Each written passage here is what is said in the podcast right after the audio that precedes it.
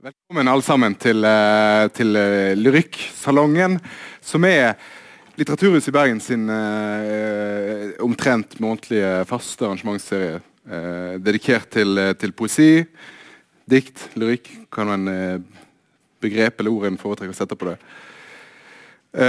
I dag så skal, snakke, så skal vi snakke om hvordan, hvordan skal en egentlig gå løs på den oppgaven det er å lese et dikt.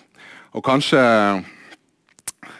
Kanskje starter vi på en måte med selve problemet som diktet har. At, eh, at en har en forestilling Eller det kan virke i hvert fall kanskje som det er det vi kommer bringe til torgs her. At en trenger en eh, strategi eller en trenger en nøkkel for å eh, For liksom avkle dikt. Kan ikke diktet bare Kan ikke det bare leses og være som det er? Eh, men tror nok litt av Poenget vårt er at uh, uansett om du er bevisst eller ubevisst på det, så har en en lesestrategi, en har en måte å avkle dikt på. Uh, og, og mer enn at, vi, at det skal være noen form for opplæring i, eh, i diktlesning her, så kanskje er det en slags bevisstgjøring i, i hva innebærer det å lese med hodet, som vi har kalt det, og hva innebærer det å lese med hjertet. Hva skjer med diktet? Og dette her er det Endre Ruseth, poet og, og litteratur, altmuligmann, eh, eh, som, som, som her i dag representerer hjertet. En applaus til deg, Endre.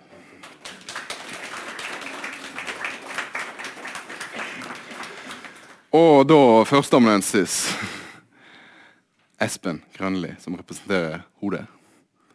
En applaus til Espen òg. Og jeg må jo si at I utgangspunktet så er jeg litt redd, for det var, det var Espen og Endre som foreslo at vi skulle ha, skulle ha denne samtalen. Og Det passer veldig godt for oss hvis jeg skal snike inn litt uh, reklame for huset. her. Vi, vi har starta opp med en lesesirkel for lyrikk på Litteraturhuset. Uh, for de som er interessert i å være med på det, det er leder av Henning Bergsvåg. Og jeg tenkte at den uh, Det var fint at den lesesirkelen starta nå samtidig som vi også hadde dette arrangementet. At, uh, at, at det kunne gi noen innganger til det, til det, å, til det å lese dikt. Og så er jeg litt redd for om, er, vi, er vi for, eh, er vi for uh, Om det blir for eh, reduksjonistisk her, så er det Hva skjer hvis du leser bare med hjertet? Er det ikke da Blir en ikke bare sentimental? Ender en ikke opp med bare, bare Trygve Skau til slutt? Og bare, bare det håpløse? Og hva skjer hvis en leser for mye med hodet? Ender en ikke opp med håpløs modernisme som, uh, som ingen gidder å bry seg med? Altså, Jeg er veldig spent rett og slett på hva en skal, uh, hvor en lander den samtalen her. Som alltid når det er sånn dueller, så jeg lander vel med at det- er best midt i midten. Litt av hvert. Men, eh, men vi får se. Den blanding av Geir Johannessen og Trygve Skaug er den perfekte. Ja. Ja, vi får Altså, se. det er et gay couple jeg hadde likt å uh, sett en TV-serie om. Jeg tror at vi skal eh, Og det kan jeg bare si om en gang. Vi, vi, eh, vi er såpass ambisiøse at vi tenker at vi skal ha litt tid igjen på slutten. Så hvis det er noen som har spørsmål, så, så blir det mulighet her for det. Eh, og, så, og så har vi blitt enige om at det er best å bare hoppe rett i det. Og Du er jo òg teknisk ansvarlig, eh, Espen. Og det første diktet ja, Kanskje jeg skal si noe om det før vi begynner. Altså Det vi rett og slett skal gjøre, istedenfor å snakke uh, teoretisk om lesemåter, eller noe sånt, så, vi, uh, så tar vi utgangspunkt i- fem dikt. Stemmer det? Fem, ja. Eh, jeg leser diktene, og så får vi etterpå en lesning fra hjertet og en lesning fra hodet. Eh, og så ser vi om de har noe for seg, noen av de, eller om det, om det var best før noen begynte å snakke om det i det hele tatt, kanskje. Ok. Teksten ser dere her på skjermen. Hver dag tar jeg bussen forbi blokka der Jon ble funnet død. Men denne dagen enser jeg den ikke. Og på holdeplassen ved kirka får jeg øyne på en skitten oblat på asfalten, som jeg plukker opp og legger i lomma. Den dagen Jon ble funnet, regna det så mye at slukene ikke greide å ta unna vannet. Kummelokk fløyt opp, trafikken stansa, og ei lita jente med gul sydvest forveksla meg med faren. Hun løp etter meg, greip hånda mi, men ble skremt da hun skjønte at jeg ikke var han. Etterpå så jeg henne stå og grine i farens armer. Og jeg gikk videre og tenkte at sjelemesse holdes overalt, og at måten vi dør på, ikke gjenspeiler vår natur. Heller ikke måten vi sørger på, eller å la være å sørge. Og hjemme på kjøkkenet skyller jeg oblaten før jeg legger den hvite skiva på tunga og svelger den. Mens jeg tenker på Jon, og at han kanskje valgte døden sånn som ei lita jente som løper tilfeldig etter en mann på gata, er sikker på at det er faren hennes. Steinar Opstad der, altså. Ja, det kan alle høre med, eller? Godt? Bra. Eh, jeg, skal og, jeg skal begynne med dette diktet, fordi det har, eh, diktet har en veldig spesiell plass eh, for meg i, av dikt. Eh, og det begynner egentlig for over 20 år siden.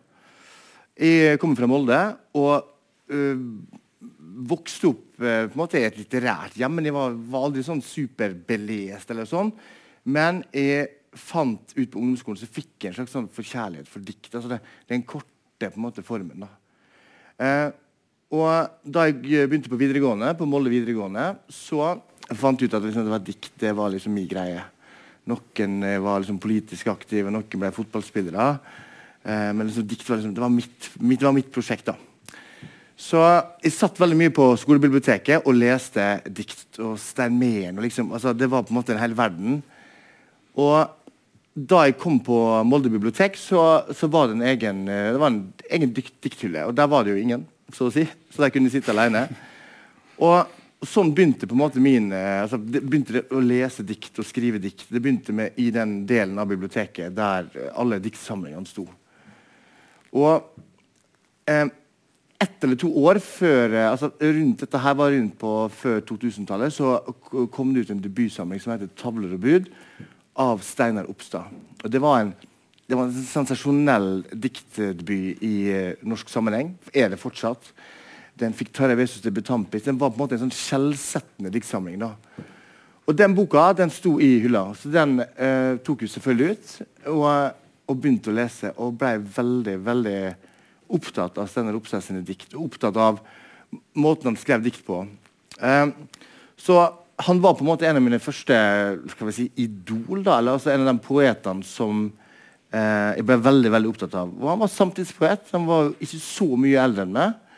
Eh, og, og, og, sammen med den, den, andre poeten vi skal se på senere i dag, så, så ble han en slags, sånn, nesten si en slags ledestjerne. da at det gikk at det fantes noen et annet sted i landet som skrev sånne dikt som var så intense og fantastiske, syns jeg. da.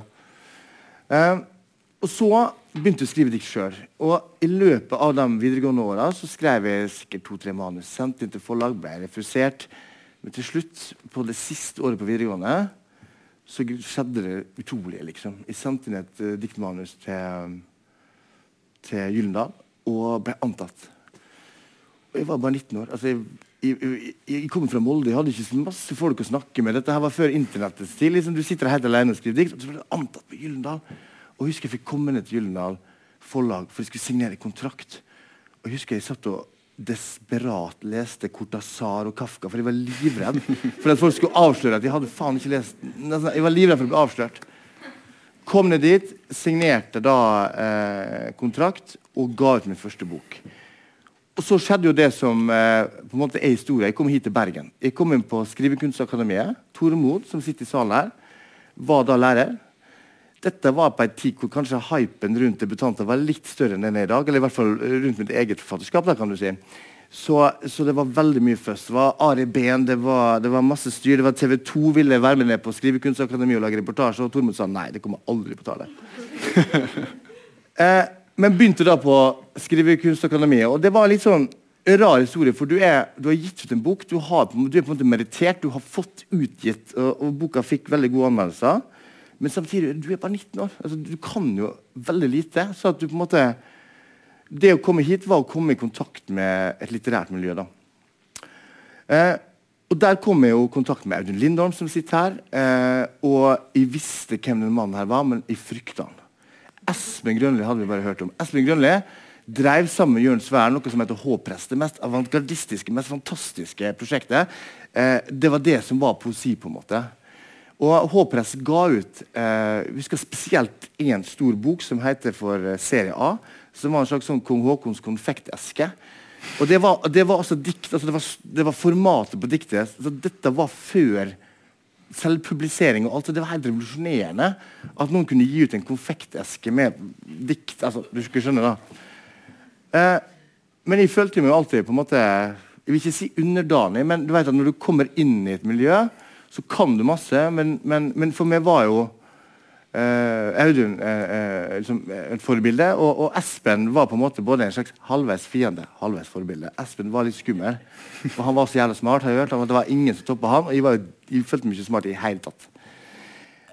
Jeg ble en del av det litterære miljøet i Bergen. Og uh, da jeg bodde her, så bodde jeg ikke på Skrivekunstakademiet og på Litvit. Og så bodde jeg sammen med en venn av meg fra Molde som heter Egil. Og han uh, drev på med noe helt annet. Men da jeg flytta fra, fra, fra, Bergen etter ti år, så, så, hadde han blitt syk. Han hadde vært manisk depressiv, og han hadde, uh, ja, han hadde endt opp i Sør-Afrika. av en grunn. Og Han hadde vært der i to år, helt fullstendig manisk. Og så skulle han komme hjem til slutt. Han hadde, innrøm, han hadde liksom forstått at han var syk, så han skulle komme hjem i da, det som var for å være forlover i mitt bryllup.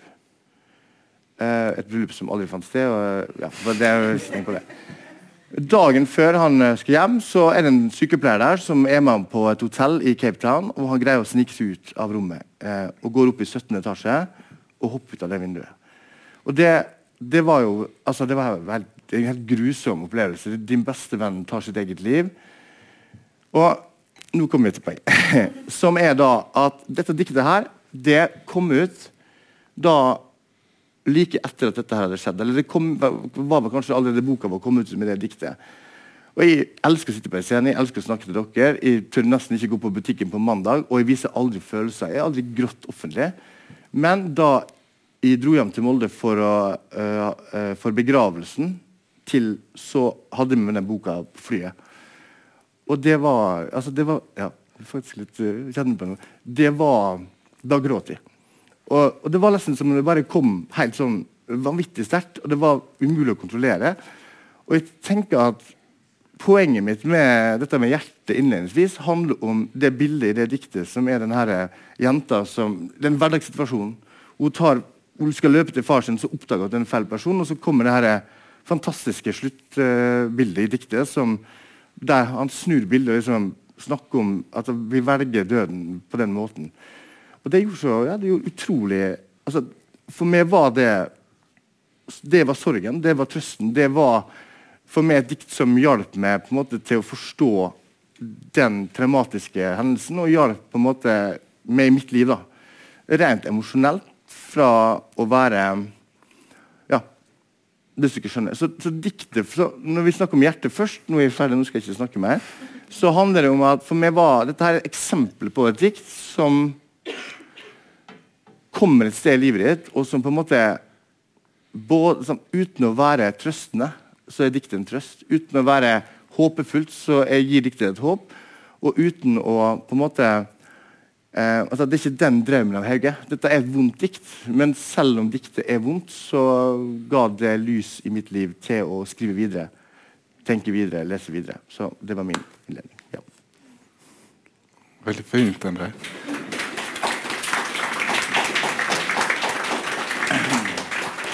Og jeg forstår deg jo også sånn at hvis en leser med hjertet, så eh, så, så, så, trengs det altså, du, i, i, Her vi sitter i dag, på en måte, så har du den vanskeligste posisjonen. fordi at eh, det å møte med diktet eh, for hjertet Det stopper nesten med diktet. sant? Det, mm. det trengs mm. ingen forklaring, for en skjønner hva er ikke det, altså, Hjertet trenger ikke å gjøre opp for seg på samme vis. eller? Altså, For meg så har dikt aldri vært altså, Espen må snakke for seg sjøl, min duellant i dag. Men for meg har jo jeg har aldri vært en akademiker. En, altså, jeg har vært en uh, urolig guttunge som fant en slags trøst i altså, Ens livs grenseløshet finner et fokuspunkt i diktet. Så for meg så, så Når jeg snakker om dikt, så, så, tror jeg først og fremst at de, det er emosjonelt. da. At det er emosjonelt hva har det gjort med livet mitt? Hva har det gjort? Altså, og der eh, tror jeg man kommer til å oppta Eller Espen har en annen inngang til diktet. Men det er klart at det er mange måter å snakke om dikt på. For meg har det vært den metoden. altså Det emosjonelle er på en måte ofte det jeg legger inn i fortellinga om et mm. dikt. da eh, så jeg kommer, å, kom, jeg kommer til å få problemer senere i samtalen, men eh, fram til nå har det gått greit. Men Espen, du er hjerteløs? Eller? Ja, som alle skjønner nå, så er denne samtalen strukturert sånn at det skal bli glad i andre, føle med han, kjenne at hjertet banker. Og så skal jeg komme og være kynisk og kjip. Meg, han der fyren der, han han er det ikke noe ålreit, da. Det er, liksom, det er ideen her. Eh, og, og, og, det er viktig at noen har den kjipe rollen. Det er en kritiker, og jeg var eh, fra tidlig møte med litteraturen opptatt av det at, at vi trenger litteraturkritikk som vurderer hva funker, hva funker ikke. Og selv om jeg syns det er fantastisk å høre på deg, Endre, og jeg syns diktet er fantastisk, mm. så syns jeg det blir Hvis alle, alle dikt skal leses sånn, så blir alt avhengig av nettopp av din egen biografiske mm. bakgrunn. Mm. Og hva skjer med den kollektive lesningen, den samtalen vi kan ha sammen om hva som gjør et dikt godt og viktig og sentralt. Og det, Dette dreier seg på en måte om det som gjerne kalles litterær kvalitet. Og litterær kvalitet, Hvis det bare dreier seg om at det treffer en person i en gitt fase i livet, så på en måte, ja, ja, det er viktig. det Diktet har vil ha den funksjonen, alt har den funksjonen, men det er kanskje noen andre aspekter ved for et dikt som dette her, mm. som gjør det godt. Mm. Og jeg er opptatt av å skille mellom det som er godt, og det som ikke er fullt så godt. Og kanskje det som er veldig, veldig godt. Mm heller enn det som er bare jevnt over godt. Og jeg syns dette er et veldig godt dikt. Men ikke fordi jeg har opplevd det du har mm. opplevd. Mm. Mm. Uh, det er andre trekk ved dette diktet.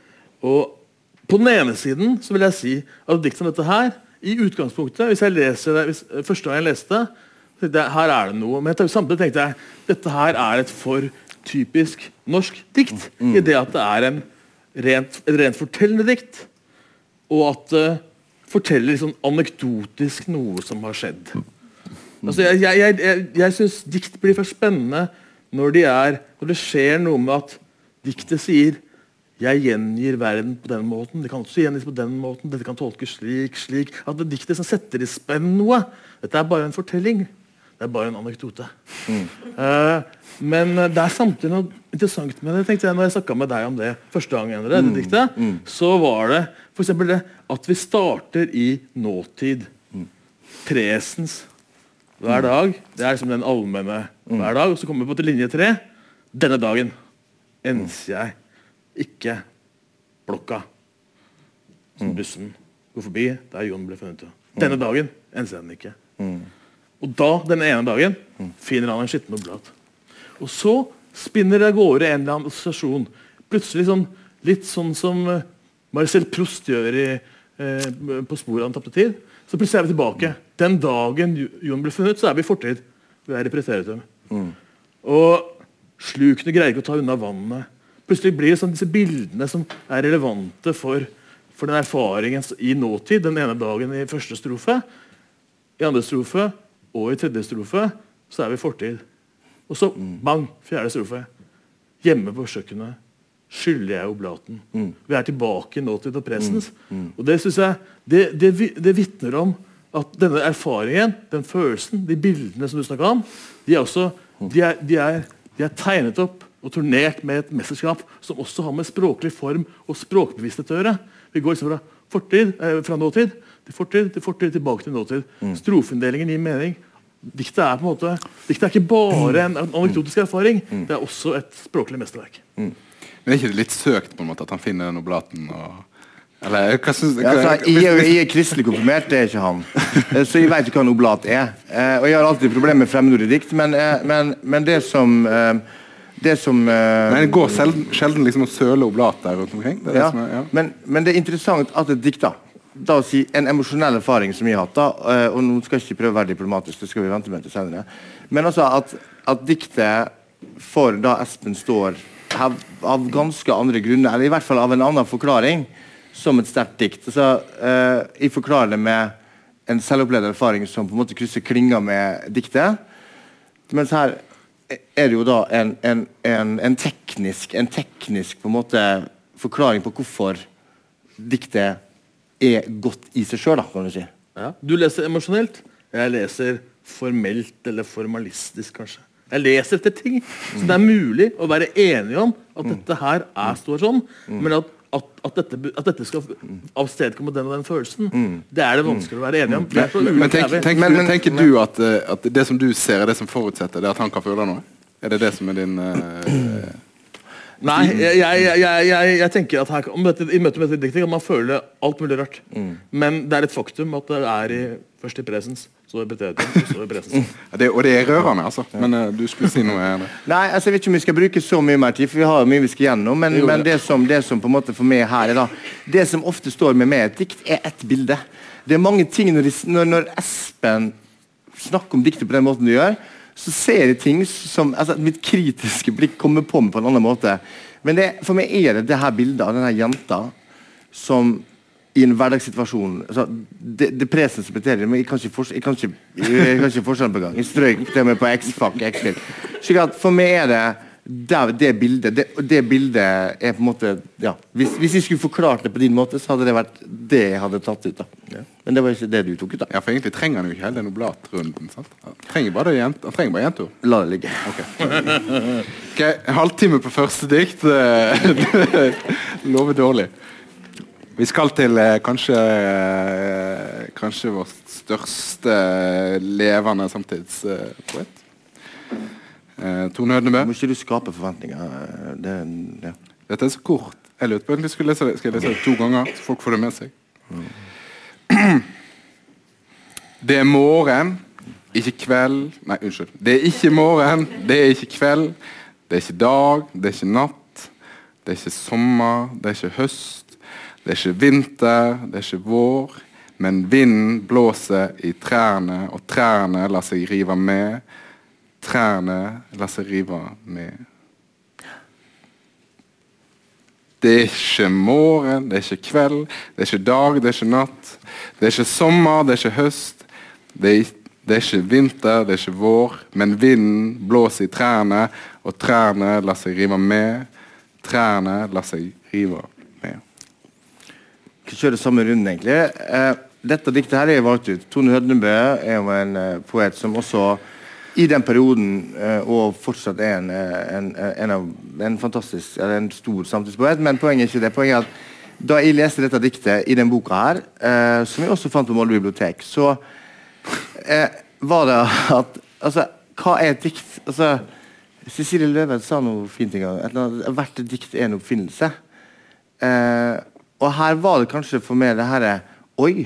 Det er en vuggesang altså det, er ingen, det ender ikke opp med et sluttpoeng. Det er bare sånn Når du ligger på, på, på senga når du er liten, og mor din eller far din synger en godnattsang, så er det bare ord som på en måte stemmer sammen.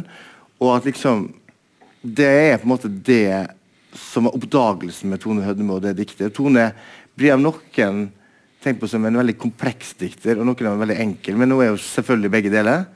Men for meg er den derre Oi, dette kan være et dikt. Dette var nesten som en sånn hva man synger? Når trollmoen har lagt seg ned, elleve små troll.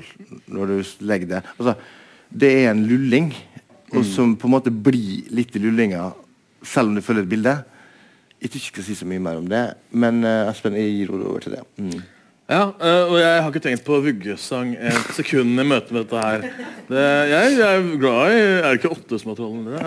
Elleve, det er, øh, nei, jeg, når jeg leser et dikt her, så er det to ting som slår meg. Og det er sånne språklige ting som jeg er opptatt av. Fordi det pirrer min uh, forstand. Det er altså fjerde linje står i kursiv. Altså det er negasjon, negasjon, negasjon, negasjon, negasjon, negasjon og negasjon. negasjon, Men negasjon nummer sju og åtte er i kursiv. Hva betyr det? Det lurer jeg på. Jeg lurer. Hvorfor står det ikke skift? Det er ikke vinter, det er ikke vår. Det er som det skrikes ut. Liksom. Det, ja, det bare, hvorfor, hvorfor er den linja markert annerledes? Dette, dette, dette utfordrer meg. Det, det, det, det sprenger mine grenser. Velkommen. Ja. og, eh, og så er det andre er at uh, vinden blåser i trærne, og trærne lar seg rive med. Og rive, og la seg rive med. Det er, en, det er på en måte en sånn noe man gjør i overført betydning. typisk. Man lar seg rive med av et eller annet som skjer. når man blir med i noe. Men trær hva er det- hva er det- de rives ned, tenker jeg. Så Normalt rives de ned, men her rives de med. Og det er sånne små spill på små språklige forskjeller som setter av gårde tolkningsmuligheter som jeg syns er spennende i møte med de som lytter. Det er nesten som å se altså, Alle ser at Messi er en god fotballspiller, men hva er de små tekniske kvalitetene? Den kursiven har jeg ikke tenkt på. Det er en utrolig god eh, Egentlig bare helt eh, sånn, Det har jeg ikke tenkt på før. Altså, hva, Hadde diktet vært det samme nå, tenker jeg, uten kursiven? Jeg vet jeg tror ikke det. Men jeg vet ikke hvorfor.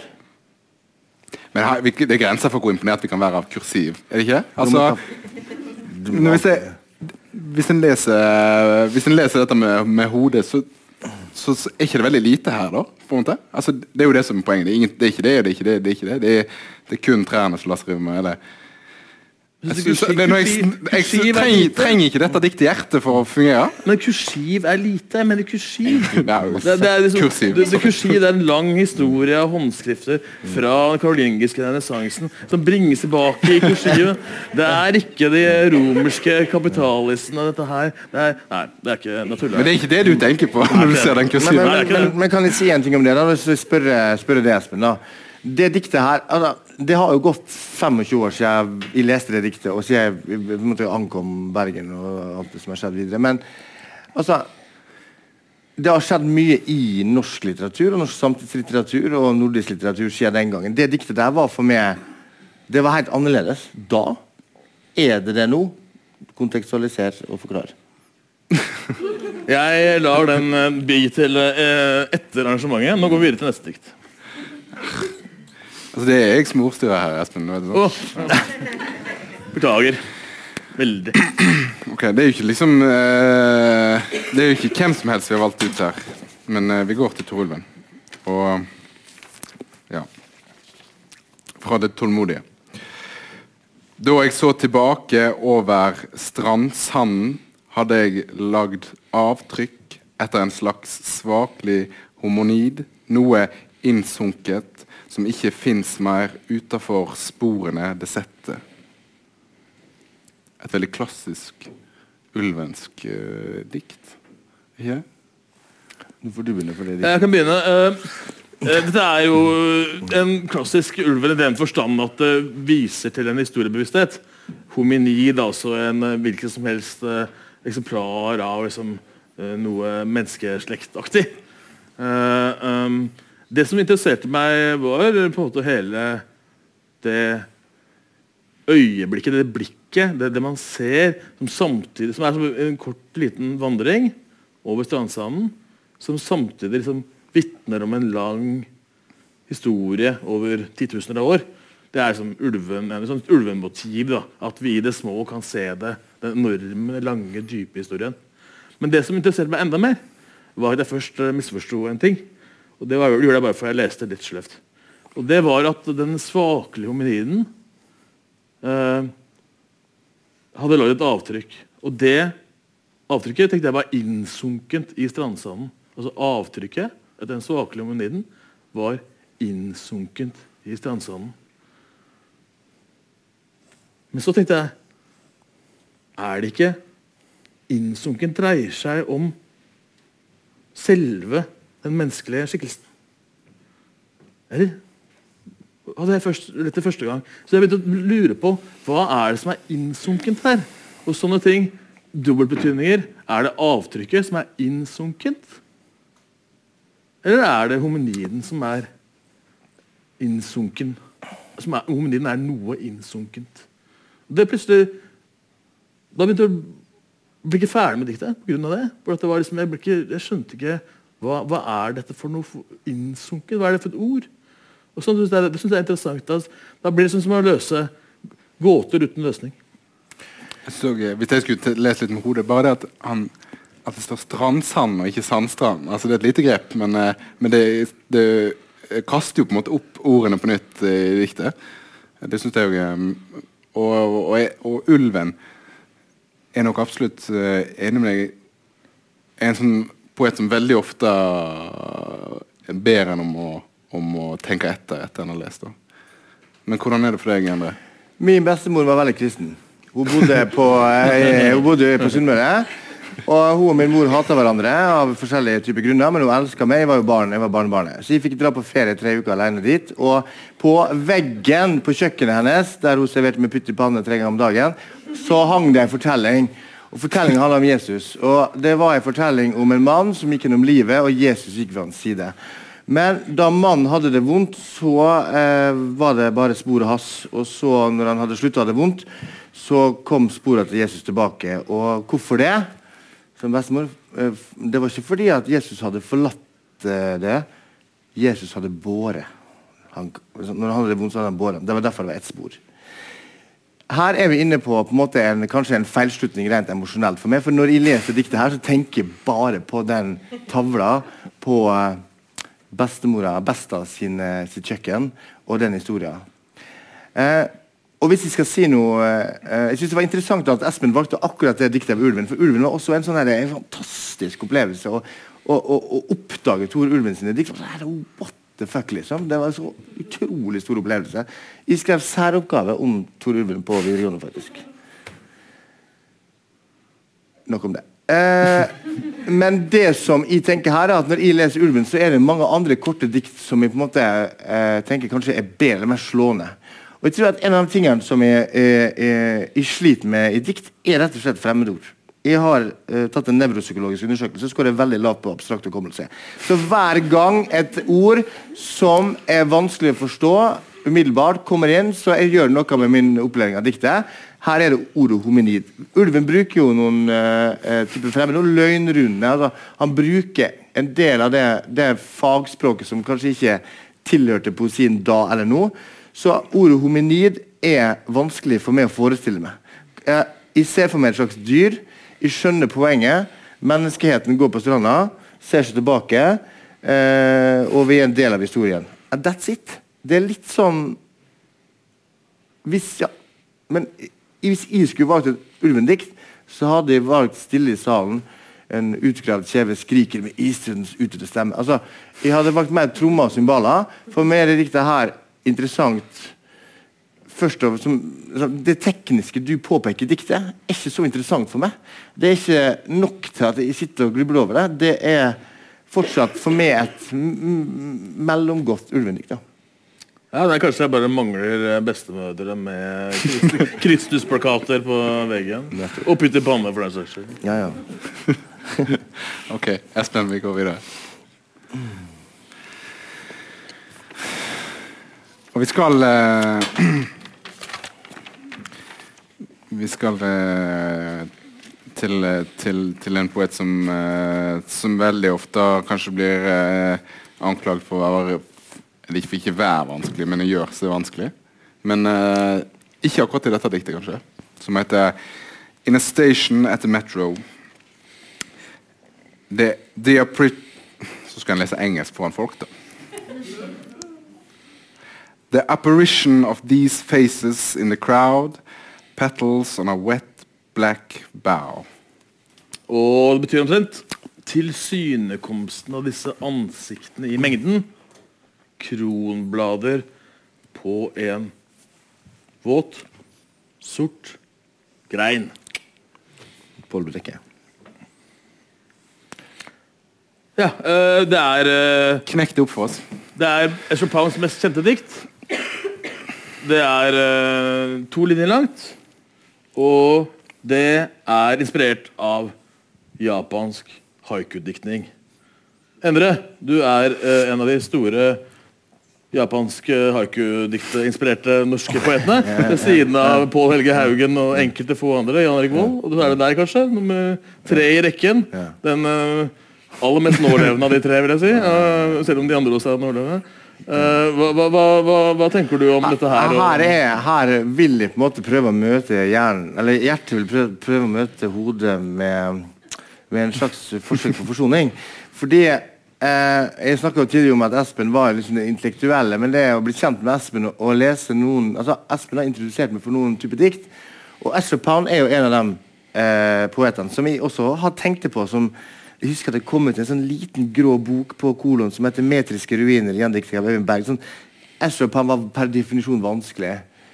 Men eh, dette er jo en poet som er oppdaget gjennom det, eh, og som har eh, kanskje forandra hjertet litt over til hjernen. Og jeg har lyst til å spørre deg ett spørsmål først. Det Ezra Pan gjør her, han, det, dette er jo et, et dikt som er inspirert av eh, asiatisk dikttradisjon. Mange av dikta som du har vist meg, er jo det. Dette er nesten som et haiku-dikt, bare ikke satt opp sånn ja. Eh, Det er jo egentlig satt opp som det skal settes opp på japansk. faktisk, når jeg tenker meg om ja, Nok om det. Poenget er at for meg er Ezra Pound en poet som har tatt og remiksa mye dikt. da. Altså, han var uh, tidlig ute med haiku, med Lib, Lib, Libao eh, eh, eh, altså det, det asiatiske, de kjente altså Han har gitt ut bøker som med dikt i det, som, som på en måte nesten ikke er hans egne dikt, men som er tolkninger av dikt som har skrevet før. Og her kommer det tabloide spørsmålet til deg. Er Astro Pound med sin omveltning av verselinja og remix av linja, er han avantgardelitteraturens første DJ? Er han på en måte Er han, er han poesiens Kygo?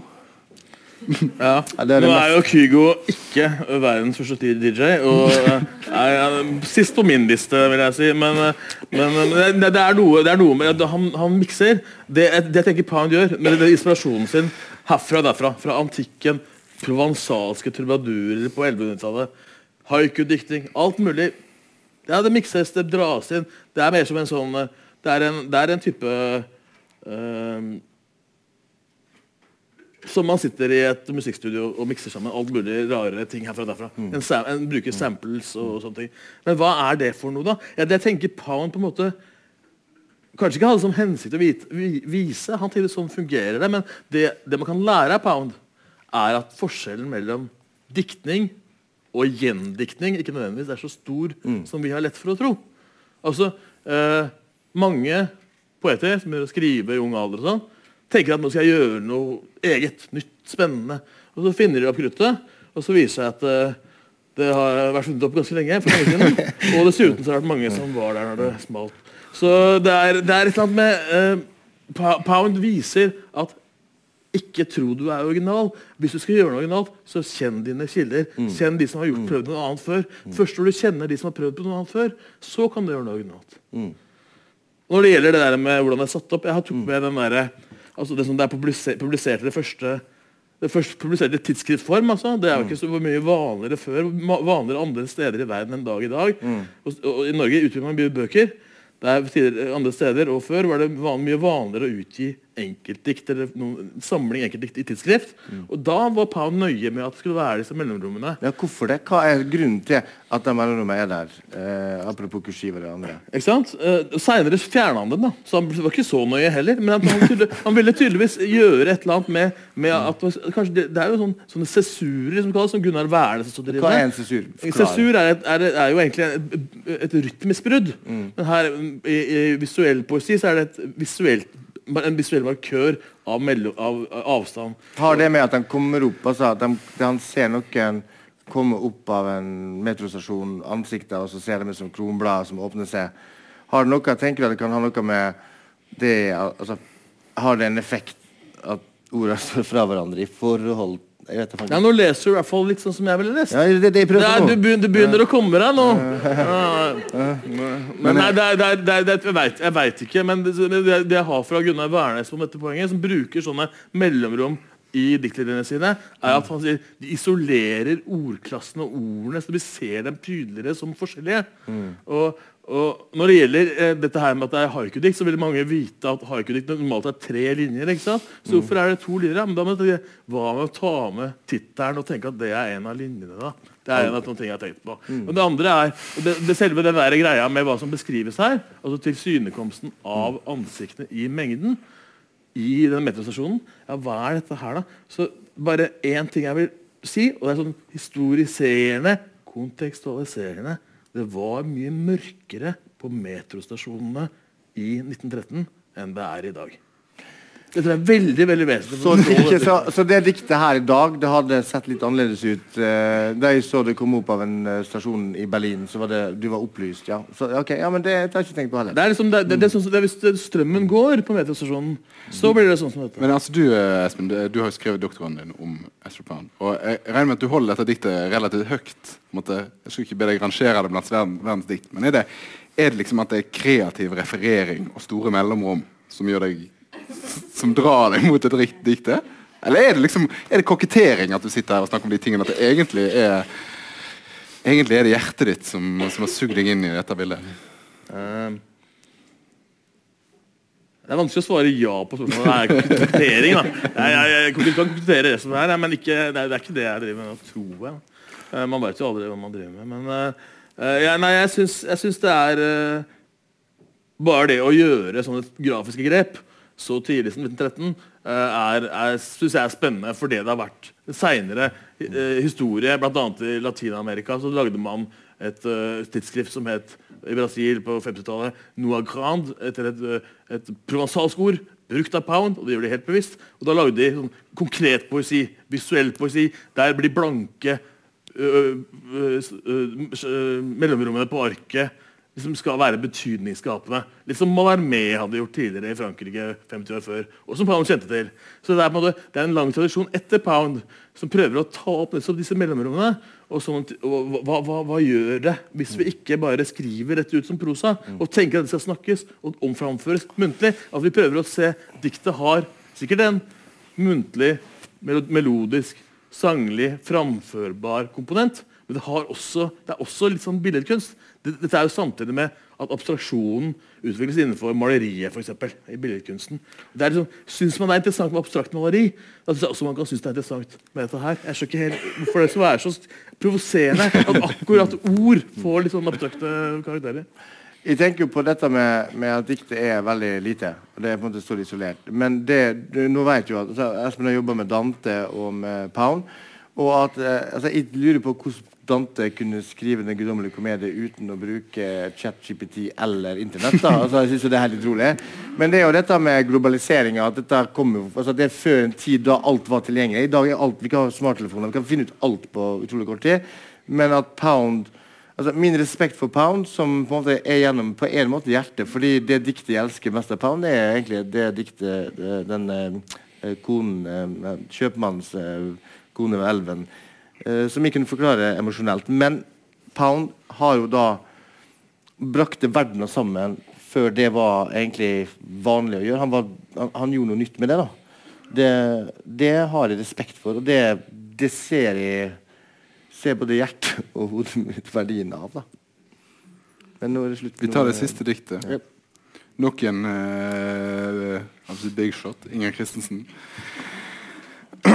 Og så, Jeg har øvd meg på å lese dette på dansk, men, uh, men uh, når jeg prøvde det, så fikk jeg beskjed om at det er kanskje best å ikke lese det på dansk. allikevel. Uh, kan vi få tekst her, jeg, får litt sånn oversettelseshjelp underveis. her, tenker Jeg ikke sant? Jeg har alltid trodd at virkeligheten er noe man ble når man ble voksen. På torget står Fata Morgana med en trøtt mine og rope 'morgenaviser, morgenaviser'. Dette diktet tok jeg, var det mitt valg, da, kan du si. Og jeg har jobba med Inger Christensen. Jeg med, altså, og det er veldig mye å si om henne. Uh, alfabet og det da, som jeg har brakt fra dans til norsk, er jo ganske sånne komplekse diktsamlinger. Systemdikteren Inger Christensen, som brakte alfabetet matematiske regler sammen. Altså, eh, som, som, fant opp på en måte en form for diktning som, som var ny på den tida. da. Men jeg hadde lyst til å ta med det diktet her, fordi det er fra den, er eh, den første boka hennes. Og Det er sånn der, det kunne vært Trygve Skau, men det er ikke det. Eh, eh, og ikke egentlig Jeg skal ikke disse Trygve, for det, det, er noe sånn. Men dette her er for meg en sånn one-liner-dikt. Og mange av de tidlige dikta til Inger Christensen kommer igjen etter det og alfabet senere i forfatterskapet, brev til april. Den derre one-lander-kvaliteten. Sånn, altså, jeg har alltid trodd at virkeligheten var noe jeg skulle bli når jeg ble voksen. Fy faen, Det er verdens beste romantittel. Noen må ta den. Og så det hele diktet for meg står egentlig i, den første, i det første verset. Det syns jeg bare er så jævlig fett sagt. Jeg tror alt, jeg synes bare Det er dritfett. Det er det eneste jeg vil si om det. Og så har jeg prøvd å ta på meg Espen Grønlis hode da, i den siste, og prøvd å finne noe fornuftig å si om det. Fata Morgana er jo da luftspeiling, Kanskje, men det ligner på et navn. Kanskje du ser for deg et menneske som står der, og så skal jeg selge dagens, eh, gårsdagens nyheter på nytt osv. Men det er den første verselinja. Den kunne jeg tatt Nei, jeg kunne ikke tatt tatovert den, men den er, bare, den er bare sånn Dikt kan også være fuckings one-liners, nesten. altså. Og det her er et eksempel på det. Espen, Du trenger ikke å ta på deg Espen sitt hode. Nei, har mest sannsynlig ikke. Men jeg, jeg, kan, jeg kan si det at Fata Morgana det er jo det er luftspeiling. Her står det med store forbokstaver et navn. som du sa. Det er, det er en fe som heter Morgana i, i, i, i den eh, mytiske litterære tradisjonen, som gir opphav til navnet på luftspeiling. Og dette har jeg da Jeg skjønte her var det fare på ferde, så dette her er jeg da selvfølgelig googla før jeg kom på scenen. Altså. Jeg, jeg, men forklar. Hva, hva ligger Ja. Nei, men det. jeg synes det, det, det, det spennende for meg er uh, hva, hvordan henger egentlig første firelinjers strofe sammen med tre neste linjene. Jeg tenker, tre, neste tre linjene, jeg, jeg skjønner det du sier. Det første er en sånn punchline. Mm. og det, Mange kan kjenne seg igjen. Virkeligheten blir voksen-greier. Mm. altså, et eller annet, Det å bli voksen var ikke som man trodde. Det var ikke så lett å Nei. nå ut til den virkeligheten man trodde man skulle finne. eller noe sånt kanskje. Og så er det andre diktet sånn, andre strofa er mer sånn klassisk ideologikritisk. Altså her er det, det, det, morgenaviser, morgenaviser, Her kommer liksom nyhetene om, om virkeligheten. da. Avisen bringer deg News of the world, liksom, eller hva det som det heter i British Tabloid. uh, med en trett mine og roper. Og, så hvem, og hvem selger? Jo, nettopp luftsperringen. Altså, som Georg Johansen sa det veldig fint i sin tid. Det du kaller virkelighet, kaller jeg avis. Men er ikke dette et dikt som faller litt fra hverandre når en går start til verk som du gjør nå? Altså, Det blir, litt, blir ikke litt banalt? Eller? Jeg syns ikke dette diktet er så spennende som henne. Nei, Men jeg, jeg, jeg, jeg, ser at det er en eller annen kobling der mellom denne påstanden om virkelighet som aviser gjerne kommer med, og så at det er kanskje et eller annet Det er et eller annet som skurrer der. Det er noe luftsperringsaktig med en del av de avisenes gjengivelse av virkelighet som ligner litt på den erfaringen at man aldri nådde fram så lett til den virkeligheten som når man trodde man skulle gjøre i ungdommen når man blir voksen. Før eller siden blir livet reelt fullt virkelig. Ja, ja. Er- Som i avisa. Og så er det liksom ingenting av det som helt stemmer. Da. Vi er seks minutter på overtid. Det betyr at vi har tid til et spørsmål eller to. Hvis det er noen spørsmål, da vi Jeg tenkte kanskje dette var et sånt tema som, øh, som noen ville De fleste spørsmål er jo egentlig en kommentar, så det er lov, det òg. Altså. Ingenting? Men altså, øh, hvis en skal legge Det er, et det er Tormod. Det gjør, gjorde du bare for å være grei med meg nå? Hei. Ah, fantastisk. Eh, nei, men altså, dette er jo veldig interessant. Da. Eh, eh, både hjerte og, og jern er jo noe vi ikke styrer helt med, sant? og det er jo organiske ting. Eh, sånn at å skille mellom de to er jo i utgangspunktet litt sånn søkt. da. Men er ikke, eh, som du sa, Fredrik, sånn innledningsvis eh, Det som jeg syns er mest interessant, er det mulig å skille de? Altså, de har jo etter beste evne prøvd å gjøre det i dette. Og det er veldig interessant å høre, høre begge sine. Men altså eh, Jeg mener at eh, Altså, spørsmålet er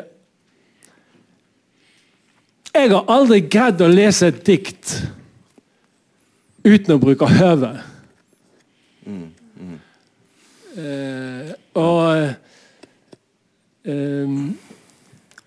eh, det, med, det med å lese ensidig er jo helt feil, ikke sant? Du må jo på en måte bruke alt du har når du skal lese, ikke sant? Men det, ja. Ja. Så da er jeg, jeg, tror- jeg tror at det, det, det har vært også det som var altså, uh, Sånn som ja, Jeg går tilbake til da jeg kom til uh, Tormod som 19-åring. Og man har en forståelse av hvordan verden er, og man tenker sånn altså, Det å møte Espen, da altså, For det her er jo egentlig ikke en en krig eller en debatt. Altså, vi leser selvfølgelig med begge deler. Men her har vi liksom prøvd å skille ut de to måte, lesemåtene. Men klart, ja, å møte Espen for meg var jo også å komme i kontakt med andre deler av lesningen som vi ikke hadde tenkt på før. Det, opp, det, det gjorde at jeg oppdaga andre eh, felt i, i diktninga som, som, som, jeg føler har vært nyttig for meg. Og det tenker jeg mye på forskjellen altså Erfaring er noe så Nå sitter vi nå her liksom korpulente her, også, men det å erfare gjennom samtale da, altså Det å snakke om et dikt, det å sitte faktisk og diskutere det, å gå inn i én type tekst og, og, og, og, møte en annen virkelighetsforståelse eller en annen forståelse av diktet, det var egentlig poenget her. Og jeg eh, tror nok at i min lesemåte så er nok eh, det med hjertet, altså det emosjonelle lesninga, har vært veldig viktig for meg og gitt meg veldig mye som menneske.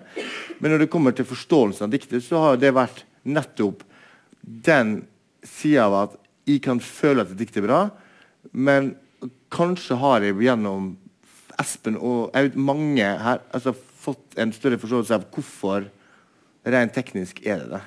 Så ingen, alt henger selvfølgelig sammen, og alt er oppkonstruert, men det har nå på en måte vært slik eh, Dikt i mitt liv, rent personlig, har redda meg ut av mange personlige kriser.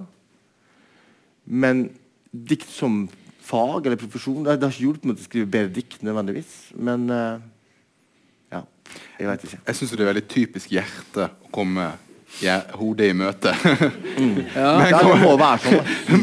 men hva med hodet? Espen? Nei, bare til, til, det Tormod sier, så, så, vil jeg si at uh, jeg er enig for så vidt. Man bør bruke alle sider av seg selv når man leser et dikt. Man trenger ikke bruke absolutt alle absolutt hele tida. Mm. Man kan prøve mm. å si la, la, la, meg sette det litt sånn i parentes, og så leser jeg diktet sånn.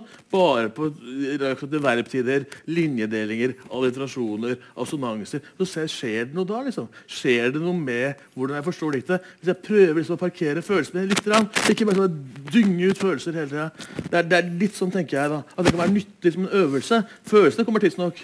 Men prøve å isolere de formelle trekkene. og Det kan være nyttig som en øvelse. i hvert fall.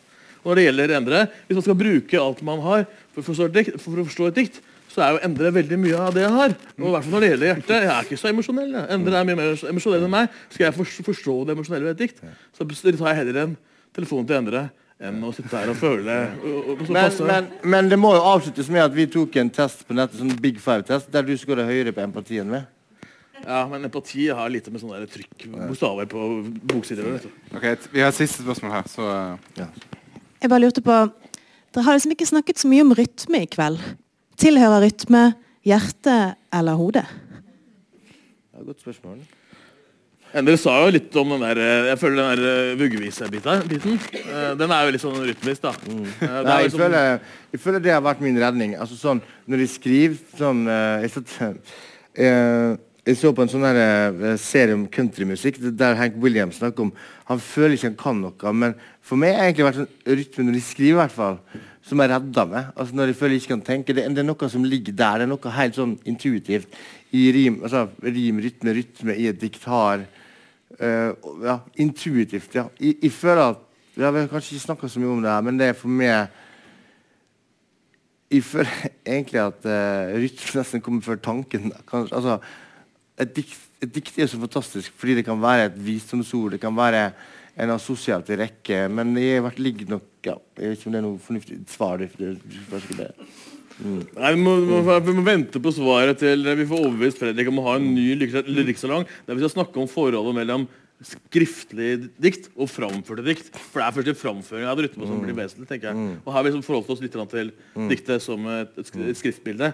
Uh, men jeg vil gjerne ha med Endre og på å få Litteraturhuset til å betale oss for å komme herfra derfra, for å snakke om rytma. Altså.